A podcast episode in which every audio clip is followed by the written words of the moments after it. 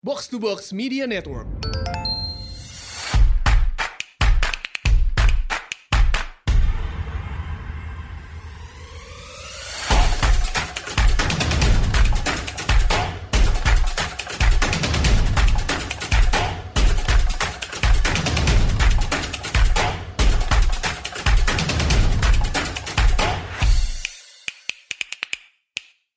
Selamat datang di Asumsi Bersuara. Saat ini Indonesia sedang memegang presidensi G20. Pada awalnya, G20 merupakan pertemuan antar Menteri Keuangan dan Gubernur Bank Sentral yang bertujuan untuk melakukan koordinasi kebijakan makroekonomi global, khususnya untuk menjaga stabilitas keuangan, mitigasi perubahan iklim dan keuangan berkelanjutan. Tapi sejak 2008 lalu, G20 menghadirkan kepala negara dalam konferensi tingkat tinggi. Nah, sebenarnya apa sih agenda G20 tahun ini dan sebenarnya apa peran dari Indonesia?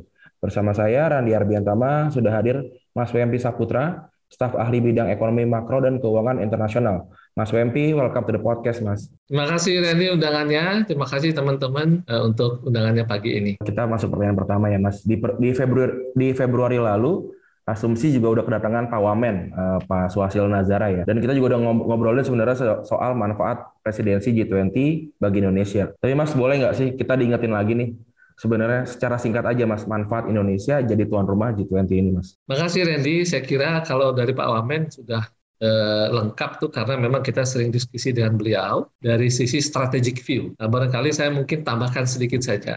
Jadi pada saat kita melihat presidensi G20 itu Indonesia eh, mungkin bahasa singkat adalah what we can take and what we can give. Jadi manfaat itu lebih kepada bagaimana apa yang bisa kita peroleh. Saya kira seperti sekarang ada komitmen pendanaan kesehatan global yang kemarin diumumkan oleh Ibu Menkyu itu 1,1 billion US dollar dari uh, lima negara dan dua filantropi. Nah ini suatu hal yang bisa kita take tapi juga bisa kita give kepada global bahwa Indonesia berada dalam uh, koridor terdepan untuk menginisiasi suatu pendanaan pencegahan pandemi di masa depan. Ada juga yang sifatnya lebih uh, sektoral, misalnya dari sisi energi. Kita sudah meluncurkan yang namanya uh, apa namanya mekanisme transisi energi, energy transition mechanism. Ini sebenarnya di COP26 yang lalu di tanggal 3 November 2020. Intinya Indonesia siap menjadi piloting country menuju green economy. Ini akan menarik investasi-investasi dari luar. Jadi, jadi kita bisa take dari luar kepada presidensi kita.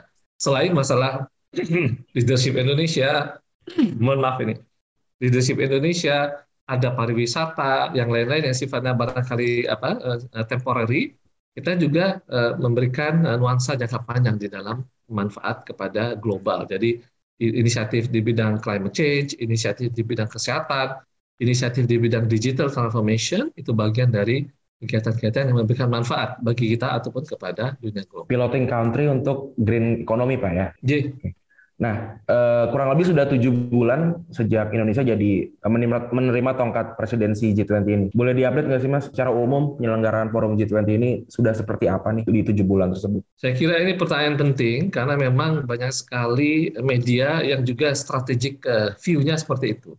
Dalam konteks pelaksanaan uh, presidensi G20, kita kan ada tiga level ya, Randy ya. Working group, deputies, minister atau governor nanti leading to summit di bulan November. Jadi kalau kita melihat G20 itu seperti itu. Working group itu yang menyiapkan segala macam materi.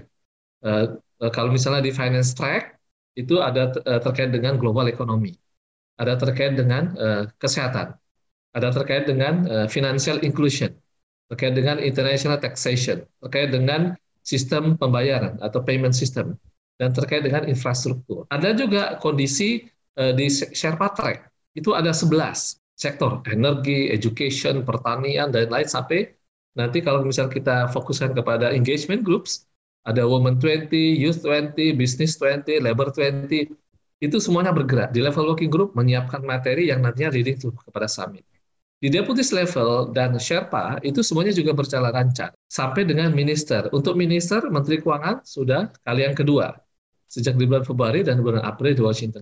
Nah, saya tahu pertanyaan Randy itu maksudnya apa? Bahwa challenge di dalam pelaksanaan G20 selama tujuh bulan ini itu sangat mengemuka.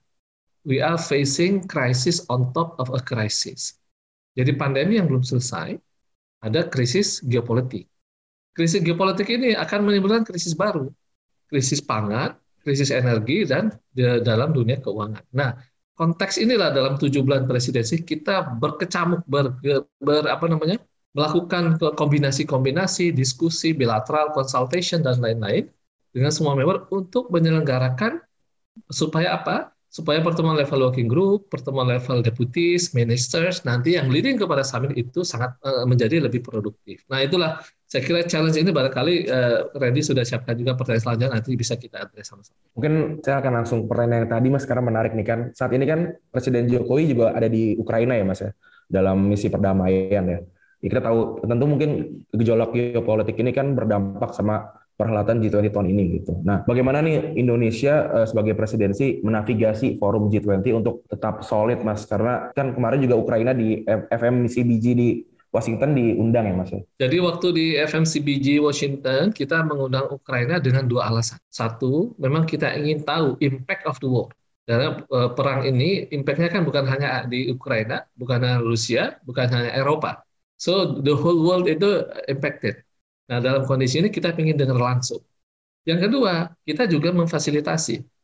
G20 Forum sebenarnya, Randy, bukan forum untuk melakukan mediasi perdamaian. Tetapi lebih kepada melihat bagaimana soliditas dari G20 ini, makanya nama, apa, anggotanya ada 20 saja, uh, systematically important countries and unions, karena ada Uni Eropa di situ.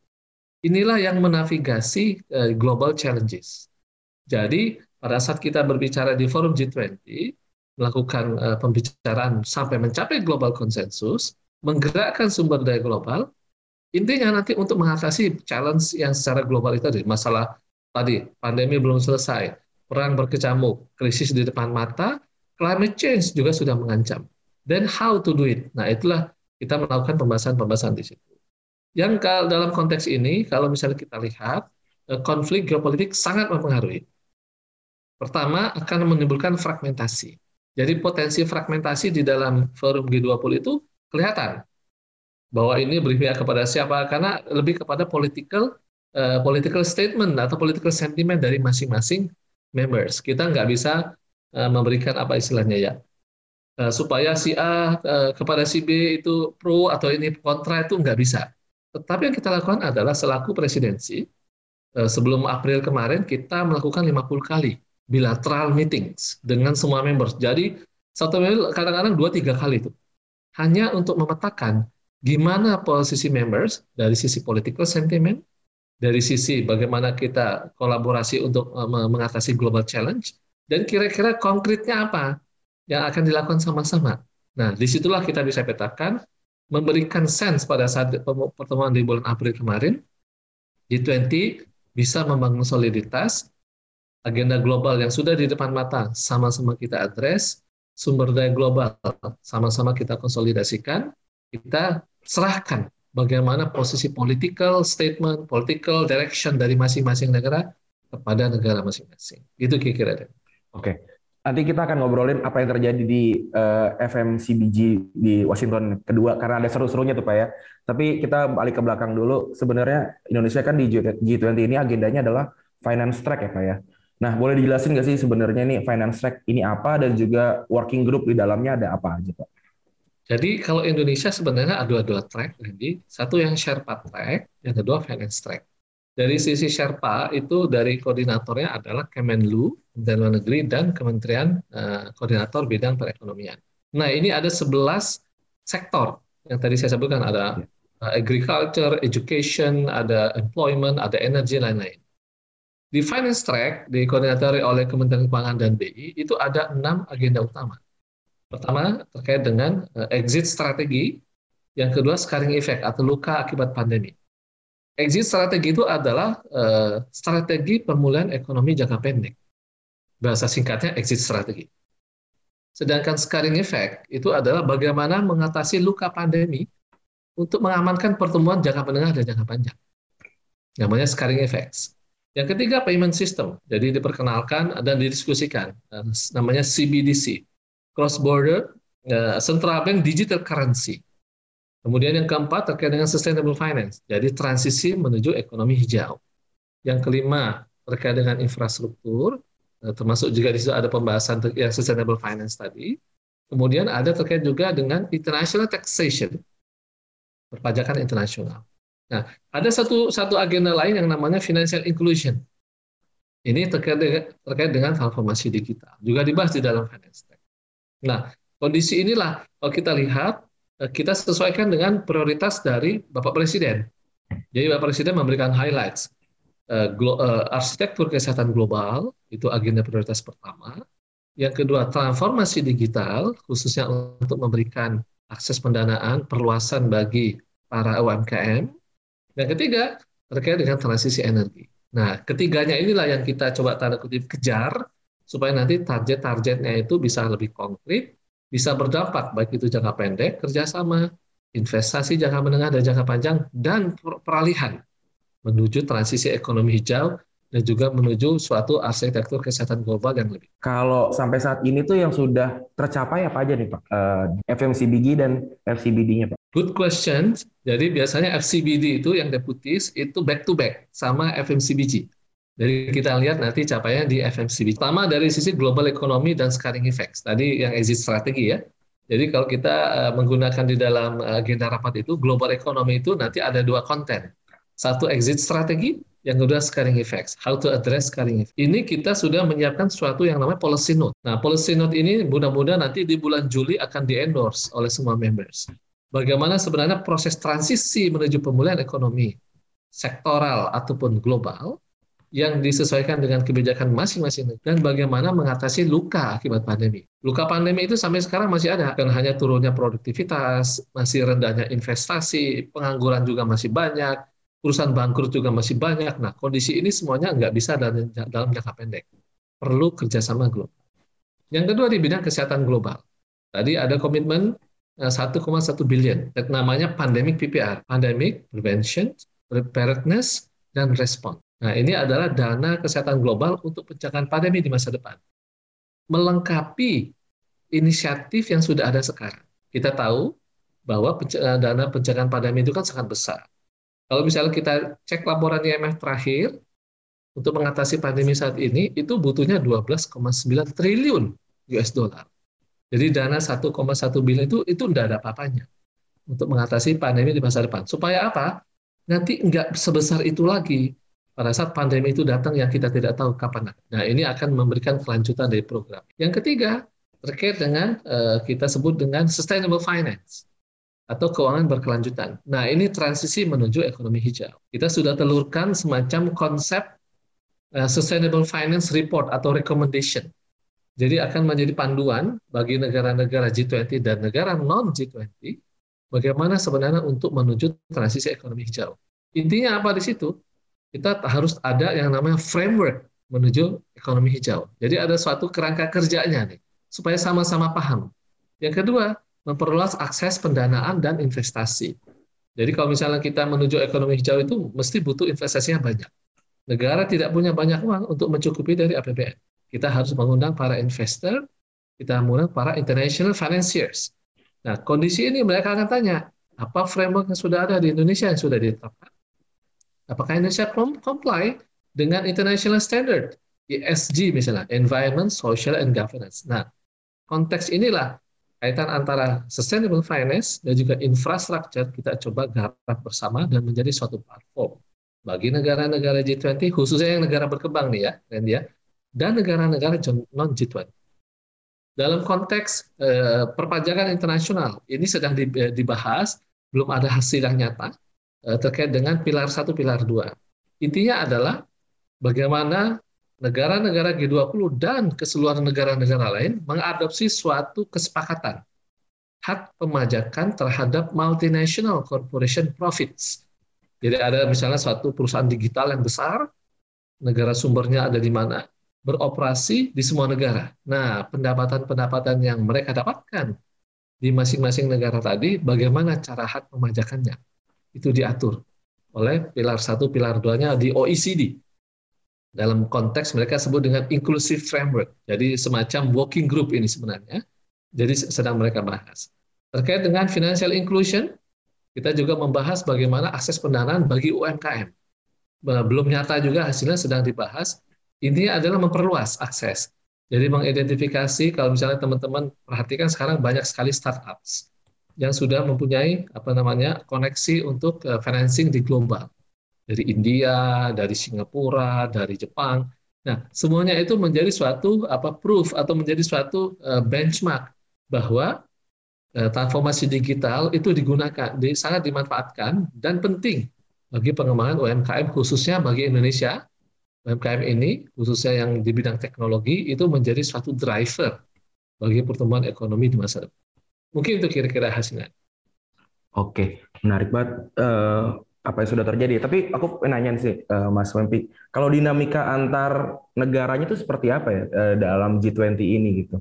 Mengingatkan juga dulu kan bertemu langsung gitu, sedangkan beberapa kali juga mungkin saat melakukan meeting pasti kan terhalang sama uh, COVID waktu itu ya. Seperti apa Mas Wempi uh, dinamikanya? Ini memang pertanyaan menarik dan uh, beberapa media besar menanyakan sama. Jadi uh, quite tricky pada saat kita hanya uh, pertemuan secara virtual, we don't know what is exactly behind the scene. Ya istilahnya itu suasana kebatinannya tidak ngerti deh. Pada saat kita bertemu fisik, kita bisa saling tanya. Sebenarnya Anda ini maunya apa? Punya pandangan seperti apa? Karena para negara G20 itu itu sangat dominan. Nah, dari sisi mereka itu representasi dari bukan hanya negara besar, tapi systematically important countries. Yang kedua, suara G20 itu didasarkan kepada konsensus. Jadi kalau ada satu negara atau member saja tidak sepakat, tidak bisa dicapai konsensusnya. Nah, di sinilah kita melakukan pendekatan yang, yang namanya bilateral consultation. Jadi kalau bilateral itu one on one, misalnya dengan China, dengan US, itu kita bisa terus terang tuh. Kita tanya sama China, Anda ini maunya apa? Saya maunya ini, maunya ini. Nah, terus minta apa habis itu? Kami juga ingin minta ini. Jadi kita seperti negosiasi. Jadi saya nggak bisa hadir virtual. Oke, okay, nggak bisa hadir fisik. Oke, okay, Anda hadir virtual. Tapi kami minta agenda ini didukung. Ini kontribusi sekian. Ini minta sekian. Jadi kita negosiasi seperti itu. Nah, ini itu satu pihak satu pihak. Namun demikian harus kita balance. Kan anggota lain juga punya aspirasi mana yang bertentangan, mana yang cocok. Nah, di situlah kita punya semacam apa namanya, eh, mungkin apa ya bahasanya ya, eh, tim kecil untuk melakukan pendalaman-pendalaman.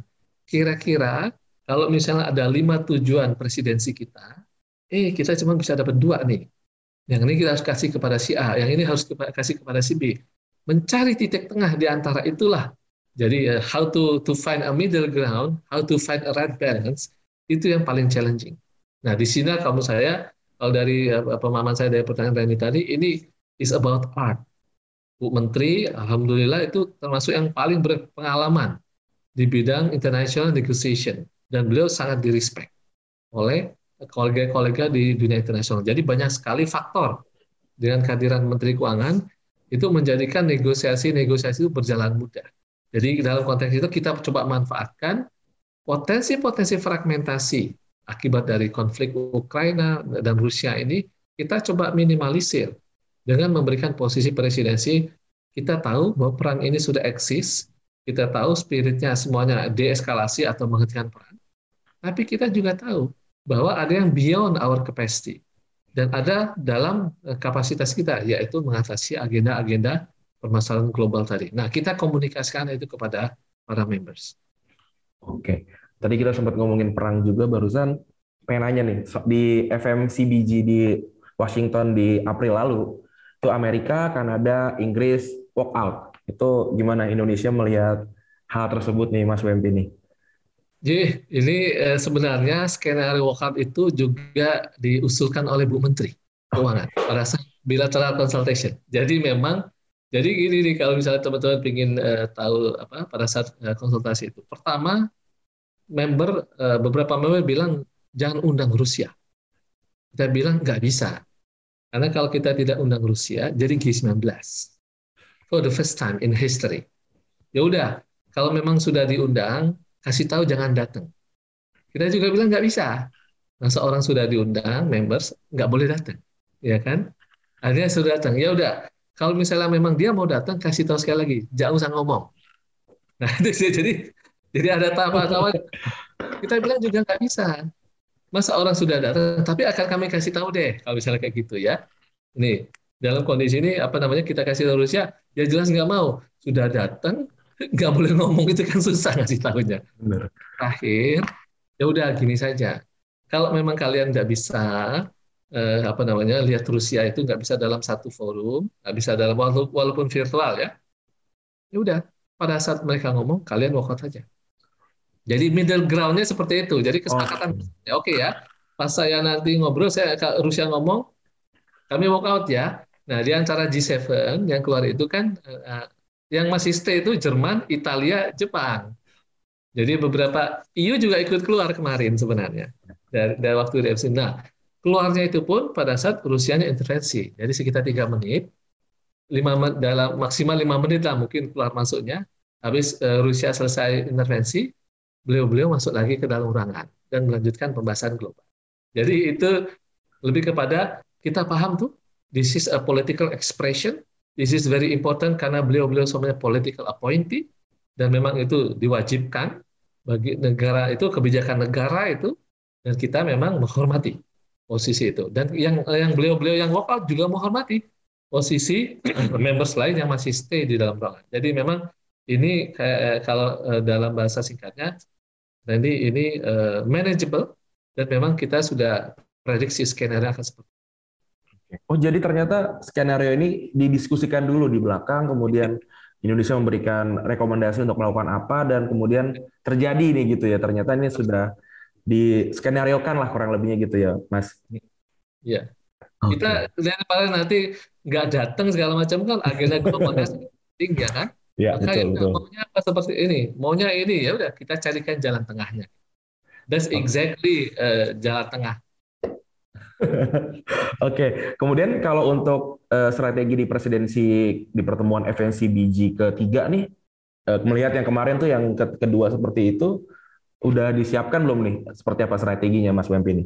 Ini extremely harder untuk yang Juli FNCBG. Yes. Pertama kalau yang April itu kan di Washington, many countries itu punya interest kalau ke Washington karena negosiasi, proses bilateral meeting dan itu sangat sangat banyak sekali di sana. Di Bali itu tentunya beda sense-nya. Sehingga nanti kita akan coba uh, apa sekarang ini kita sudah lakukan kira-kira 15 kali bilateral. Memetakan uh, bagaimana posisi members dalam konteks hadir atau enggak secara virtual atau secara in person di Bali. Agenda-agenda sudah kita komunikasikan kepada members. Basically semuanya mendukung karena apa? G20 harus segera menelurkan concrete steps yang lebih robust kepada global jadi nggak boleh hanya ngobrol-ngobrol saja. Nah, kebetulan Juli ini juga komunike terakhir di FMCBG. Jadi komunike kedua. Nah, nggak ada komunike lagi next-nya. Jadi dalam plan uh, rencana kita Februari dan Juli. Sehingga para members punya kepentingan untuk mencapai global konsensus. Dan juga kita sedang melakukan pembahasan-pembahasan bilateral untuk mengetahui uh, apa namanya hasil-hasil utama saja hasil-hasil utama apa saja yang bisa kita bisa laporkan ke dalam FMCBG di bulan Juli nanti. Jadi ini masih proses. Kita lihat memang karena perangnya masih berkecamuk, konfliknya jalan terus, sehingga nanti untuk meyakinkan para members itu betul-betul perlu extra effort. Oke. Uh, ternyata ini masih ya cukup tarik ulur ya, cukup Persis. lama ini ya. Persis. Persis. Oke. Oke, kalau agenda lanjutan dari Finance Track sendiri ini sebelum Eh, KTT G20 di November tahun ini itu apa, Mas? Kita ingin pertama di bidang global economy tadi, yang terkait dengan exit strategi dan uh, how to address scaring effect, itu menelurkan semacam policy notes. Jadi menjadi reference atau rekomendasi bagi G20 members dan non G20 members itu untuk melihat potensi-potensi dan strategi pemulihan ekonomi global. Artinya secara nasional juga ada rencana di situ. Di bidang kesehatan, kita ingin mengestablish tadi yang 1,1 billion tadi disepakati oleh semua uh, members dan non members karena Singapura juga kontribusi 10 juta dolar di dalam di dalam uh, namanya FIF ya Financial Intermediary Fund dana pencegahan pandemi di masa depan. Kita coba itu luncurkan nanti pada saat uh, summit dan kemudian nanti akan ada suatu struktur koordinasi baru antara Menteri Keuangan dan Menteri Kesehatan negara-negara G20 dan para undangan yang terkait, termasuk filantropi, lembaga-lembaga internasional juga ada. Di bidang transformasi digital, kita ingin menelurkan suatu framework atau kerangka kerja. Dan mudah-mudahan nanti sekarang sedang dibahas, ada proyek-proyek yang real dari hasil pengembangan transformasi digital, khususnya UMKM. Jadi memang kita akan coba memberikan showcasing bagi pengembangan uh, transformasi digital untuk UMKM. Di bidang uh, sustainable finance, mudah-mudahan nanti bisa diluncurkan suatu inisiatif energy transition mechanism, rencana mempensiunkan dini pembangkit listrik bertenaga batu bara menjadi yang lebih renewable. Nah, sekarang juga sudah sedang dibahas, hitungannya jelimet, karena menyangkut banyak sekali pendanaan-pendanaan yang cost of fund, berapa biaya investasi, siapa saja yang terlibat, kira-kira apa dampaknya kepada harga dan lain-lain. Nah itu semuanya sedang dibahas, mudah-mudahan bisa diluncurkan. Teman-teman di BI itu juga membahas yang terkait dengan cross border payment. Jadi kalau misalnya kita mungkin pernah pernah dengar yang namanya istilah local currency settlement. Jadi misalnya kita berdagang antar negara negara Indonesia sama Thailand misalnya, nah kita kita bisa pakai uh, watak uang lokal saja. Indonesia rupiah, Thailand pakai baht.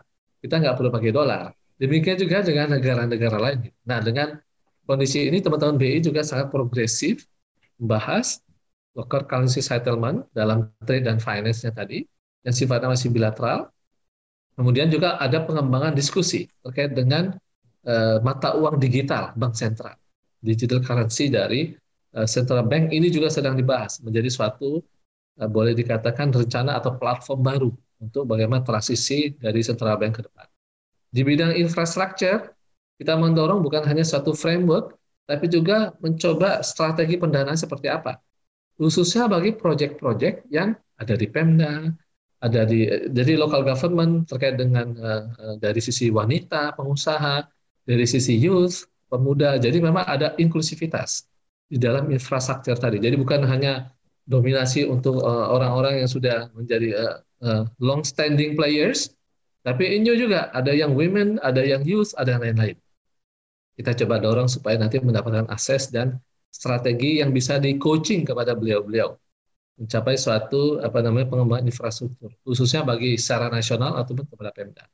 Dan terkait dengan international taxation, mudah-mudahan bisa dicapai suatu konsensus untuk penandatanganan dari multilateral convention yang kita coba kejar nih sekarang lagi disebut dengan OECD terkait dengan pilar satu dan pilar dua tadi. Nah, nanti November ini kan peserta datang ke Indonesia kan tadi kemungkinan kemungkinan juga bakalan datang orang-orang yang, sangat penting begitu ya dan juga dari berbagai negara. Sedangkan uh, yang seperti yang kita tahu nih uh, virus BA4 dan BA5 ini beberapa waktu ini cukup meningkat gitu Mas. Sedangkan tadi kan juga obrolannya selain pembahasan soal perang, uh, pandemi ini memang memang cukup jadi bahasan yang sangat vital gitu dengan dana penjagaan pandemi dan dan lain sebagainya. Nah, seperti apa Mas uh, Mepi melihat kesiapan dari, dari Indonesia untuk uh, menerima para perwakilan negara yang akan datang, Mas? Dalam konteks pelaksanaan international fora seperti G20 ini dan masih pandemi yang sedang berlangsung, kita diapresiasi minimal sejak Februari kemarin. Jadi Desember 2021 kan kita ada FCBD, Februari ada FMCBG, di Washington ada FMCBG. Nah, Nah, negara-negara member itu sangat mengapresiasi kita nanti karena protokol kesehatan itu ketat. Jadi kita tuh dari awal sudah ngasih tahu pada saat eh, menyampaikan undangan administratif sirkular, kemudian semua apa tahapan-tahapan protokol kesehatan itu standarnya standar WHO. Jadi eh, beliau-beliau yang di G20 members itu bisa mematuhi dengan gampang karena apa? WHO yang punya standar kita adopsi di sana. Dan ini memang ketat pertemuannya jaraknya sekian-sekian, kedatangannya juga uh, dibagi apa uh, sequence-nya, kemudian para LO pun sudah semuanya sudah vaksin dan kita cek antigen tiap hari. Kemudian kalau ada gejala-gejala langsung diberikan treatment. Kemudian kepada jadi waktu di apa di GCC FMCBG Februari kemarin itu ada yang baru datang langsung positif jadi karantina di hotel. Jadi justru begitu jalan sampai ke Indonesia dia hanya bisa virtual ikutin apa pertemuan dan kira-kira saya lupa seminggu ya baru baru negatif baru pulang. Ada pertemuan kan cuma dua hari kan? Pertemuan dua hari jadi dia harus tinggal seminggu di Jakarta. Jadi nambah ya. Jadi protokol kita di, diapresiasi karena kita ketat melakukan protokol kesehatan. Nah itu memang uh, bukan hanya terkait dengan tadi pengelolaan logistiknya, makanan-makanan, kemudian LO-nya, kemudian para petugas, minister, semuanya dites satu-satu, dan kalau ada gejala-gejala langsung ditreatment. Jadi mereka uh, nyaman pada saat kemarin Desember dan Februari, bahkan yang di Washington. Kalau misalnya Randy sama teman-teman tahu, di Inggris sama Amerika itu kalau di jalan sudah nggak pakai masker.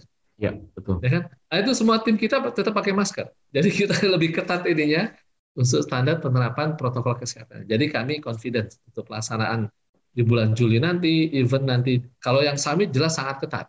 Itu nanti extremely strict itu protokol sama prosedurnya karena menyangkut undangan kepada para kepala negara. Siap, semoga aman-aman aja nih nanti waktu tahun eh waktu 2022 nanti di November ya. Ya, Mas Mempi ya. Nah, Bisa. sebenarnya semua pertanyaan saya udah saya tanyakan nih, tapi mungkin Mas Mempi mau nambahin sesuatu yang mungkin kelewat tapi penting buat kita tahu nih eh, soal G20 dan juga turunannya gitu Mas Mempi. Ji, kalau ini Randy kalau dalam konteks G20 bahwa eh, presidensi Indonesia itu menunjukkan kepercayaan dunia internasional dan ini eh, pada saat kita melakukan nih kan belum ada dalam sejarah bahwa G20 itu berada dalam krisis pandemi dan krisis perang. 2008-2009 itu krisis akibat krisis keuangan. Oke. Kemudian eh, pembentukan pertama kali yang 1998 itu juga krisis keuangan. 2014 itu krisis di Crimea, geopolitik, berarti keuangannya nggak krisis. 2020, 2021 itu akibat pandemi krisisnya G20 dan semuanya bisa dilewati. Nah sekarang ini masa terberat. Jadi forum ini sedang being tested oleh uh, dua krisis, krisis pandemi dan krisis geopolitik. Bagaimana caranya untuk mengatasi Indonesia sekarang di front line sebagai takdir kita berada di front line dan sebagai presiden untuk mengatasi, menggalang dan fasilitasi ini semua. Yang kedua, bahwa pemahaman kita terhadap G20 hanya jangka pendek. Kita harus pahami bahwa dunia ini saling interconnected. Maka setiap agenda-agenda global yang dibahas oleh forum G20, kita harus pahami. Kita coba pelajari. Karena apa? Ini akan berkelanjutan di masa depan. Dan kemungkinan besar akan mempengaruhi sendi-sendi kehidupan kita sebagai berbangsa dan bernegara. Contohnya apa? Terkait dengan penanganan kesehatan tadi yang secara global, pencegahan pandemi di masa depan. Semua akan terlibat. Yang kedua terkait dengan transisi menuju ekonomi hijau atau climate change. Semua juga akan terlibat. Nah, kondisi inilah. Kalau misalnya anak-anak muda, pengembangan karir mereka, memahami bagaimana situasi global, bagaimana memberikan kontribusi kepada global, itu sangat-sangat penting. Dan yang terakhir, bahwa presidensi G20 ini dalam konteks menuju summit nanti di bulan November, Indonesia harus bisa memberikan fasilitasi menyelesaikan masalah-masalah yang sekarang sudah di depan mata. Jadi kita bukan hanya mengambil manfaat sebagai presidensi, tapi juga memberikan manfaat kepada global. Bahwa dengan presidensi Indonesia menavigasi dua krisis untuk pertama kali dalam sejarah pelaksanaan G20 ini, barangkali ini akan menjadi satu-satunya di dalam sejarah, ya kan, di mana kita berada di, di koridor terdepan, dan kita semuanya harus berkontribusi, memberikan sumbangan pemikiran, sumbangan tenaga, dukungan agar presidensi ini bisa sukses menyelenggarakan kegiatan. Demikian Randy, terima kasih. Siap, makasih Mas Wempi waktunya buat para pendengar. Jangan lupa untuk follow Asumsiko dan Box Box AI di sosial media. Mas Wempi ada akun sosial media yang dipromosikan? Mungkin sosmed ah. pribadi atau sosmed G20 mungkin? Iya, nanti G20 aja ya di ya. ya. Oke, siap, siap, siap. Oke. Oke teman-teman, sampai jumpa di asumsi bersuara berikutnya. Assalamualaikum.